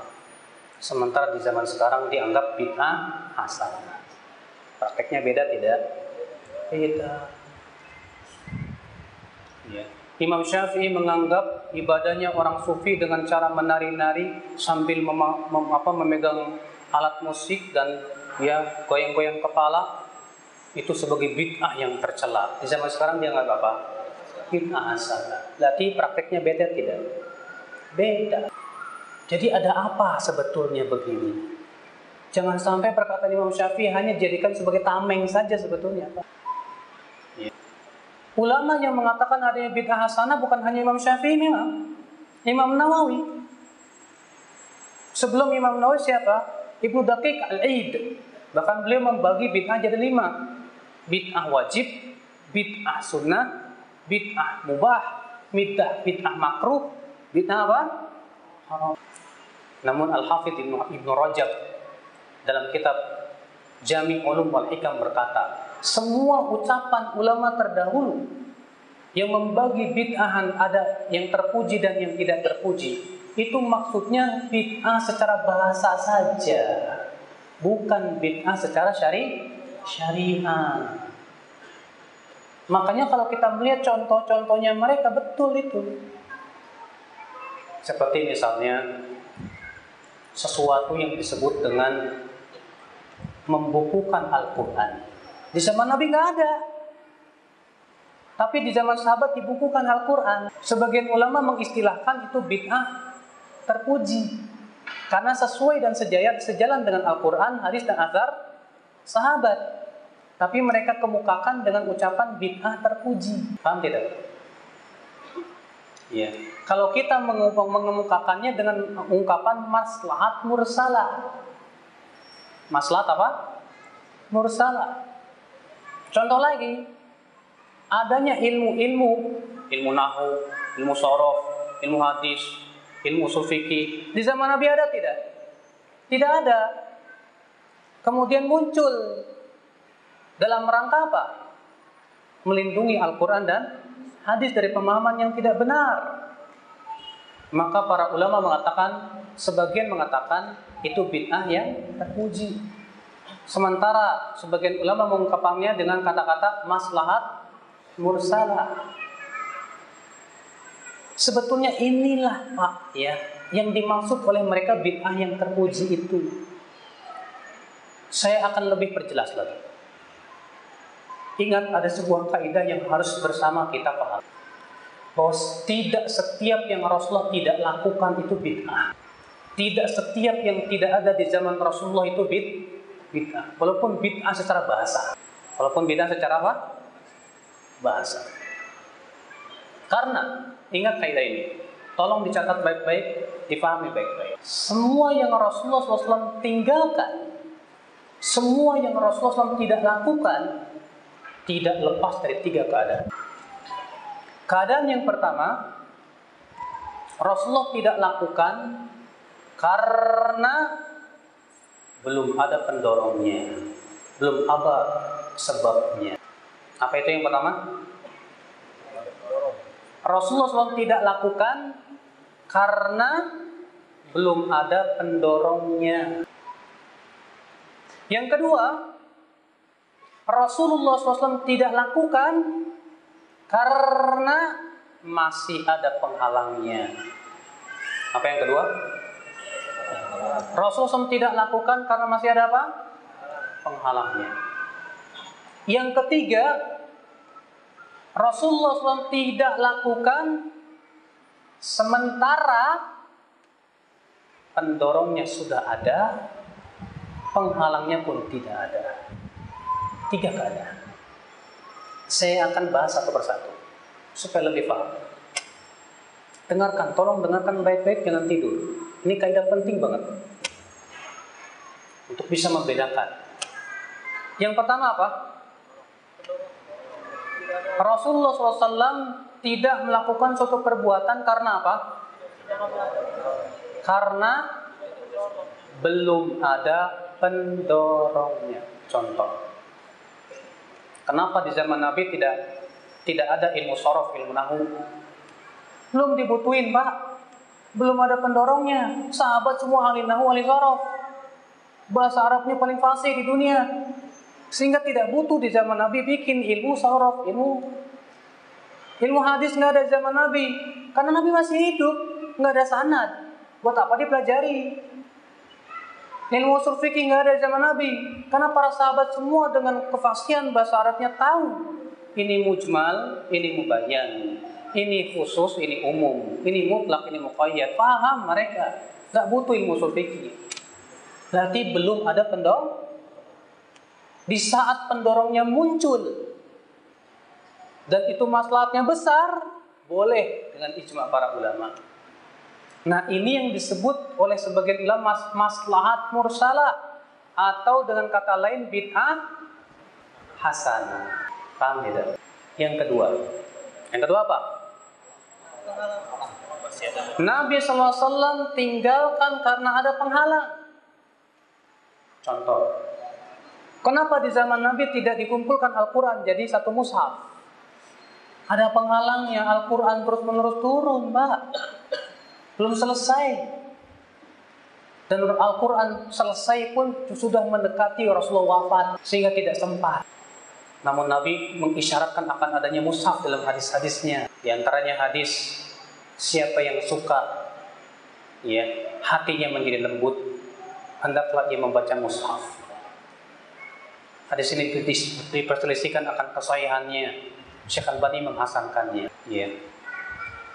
Sekarang di zaman Nabi tidak ada mushaf karena masih ada penghalangnya.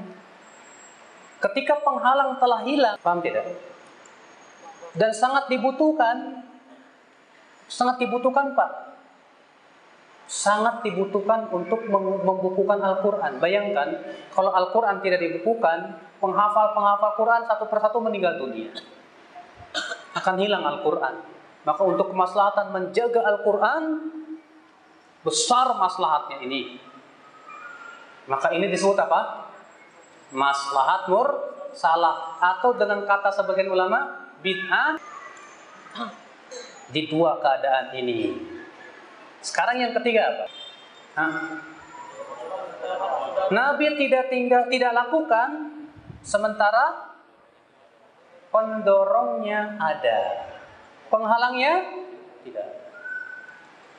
Maka itu tidak disyariatkan. Contoh, disebutkan dalam hadis Nabi SAW sholat idul fitri dan idul adha tanpa adan dan tanpa komat. Sementara pendorong untuk adan dan komat ada. Mengumpulkan orang. Penghalangnya tidak ada. Nabi mampu untuk melarang ataupun ya menyuruh sahabat bila untuk adzan mampu bisa kok gampang tapi kenapa Nabi tinggalkan berarti itu dalam rangka pensyariatan maka yang ketiga ini kalau dilakukan masalah Pak adapun yang dua pertama dilakukan tidak masalah kemudian Pak maslahat mursalah atau dengan kata sebagian ulama bid'ah hasanah itu tujuannya tiada lain untuk apa? Hah? Membela Al-Quran dan di mana kalau ditinggalkan bisa jadi menimbulkan mudorong atau dilakukan karena adanya maslahat yang sangat besar. Kenapa Rasulullah SAW tidak sholat taraweh tiap malam? Ada penghalangnya tidak? Ada penghalangnya. Pada Rasulullah mampu tidak untuk sholat tarawih tiap malam? Mampu. Kenapa Rasulullah tidak lakukan? Kata Rasulullah, aku khawatir diwajibkan atas umatku. Ini penghalangnya. Maka di zaman Umar menganggap penghalangnya sudah tidak ada. Wahyu sudah terputus. Tidak mungkin lagi diwajibkan. Sementara ini maslahatnya besar. Makanya Umar mengatakan sebaik-baik bid'ah ini. Jadi pahami baik-baik ternyata Pak, sebetulnya ada titik temu antara orang yang mengatakan bid adanya bid'ah hasanah dengan yang mengatakan tidak ada bid'ah. Ada titik temu. Ulama yang mengatakan adanya bid'ah hasanah seperti Imam Syafi'i, Syafi'i, Imam Nawawi. Tapi ketika dibahas tentang masalah yang sifatnya apa? Yang ketiga, Semua sepakat itu bid'ah, nggak boleh. Contoh, Imam Imam Nawawi mengatakan adanya bid'ah hasanah. Tapi ketika ditanya bagaimana hukum sholat rogaib dan sholat isu sya'ban, apa kata beliau? Alhamdulillah, fa inna hataini sholatain lam yarid fihi mahadithun sahih wala amila bihi salafus salih fahuma bid'atani madhumatan. Segala puji bagi Allah.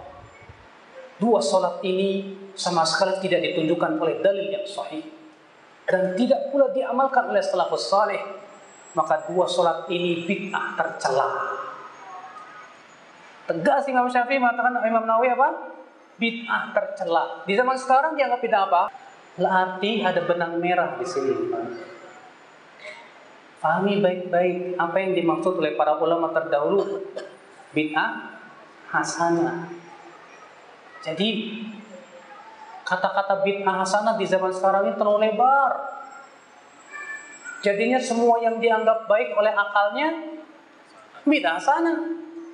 Lah kalau seperti itu namanya membuka pintu selebar-lebarnya orang berkreasi sendiri. Musibah Allah. Musibah gak boleh seperti itu ya akal Islam azakumullah. Nah inilah ya. Paham nggak? Paham insyaallah? Alhamdulillah kalau paham.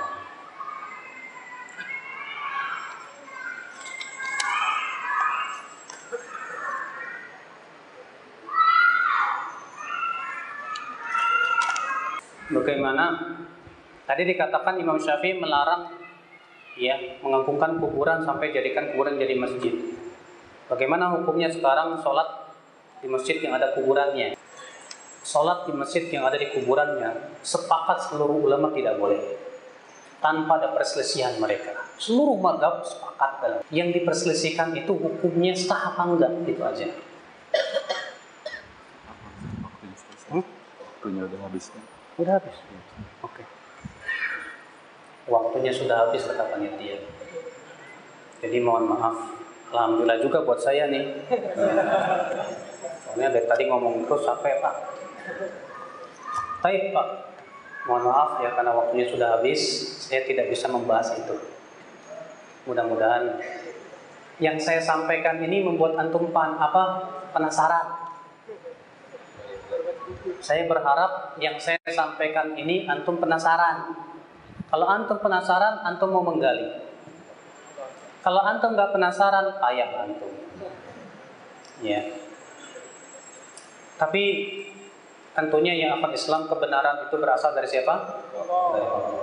Kesalahan dari kekurangan saya dan dari syaitan dan saya mohon maaf juga bila ada kata-kata yang apa? Ya, yang memang tidak terkenan di hati antum. Mohon maaf sebesar-besarnya. Ini saja. Semoga yang saya sampaikan bermanfaat. Subhanakallah bihamdik. Asyhadu an la ilaha illa astaghfiruka wa atubu. Wassalamualaikum warahmatullahi wabarakatuh.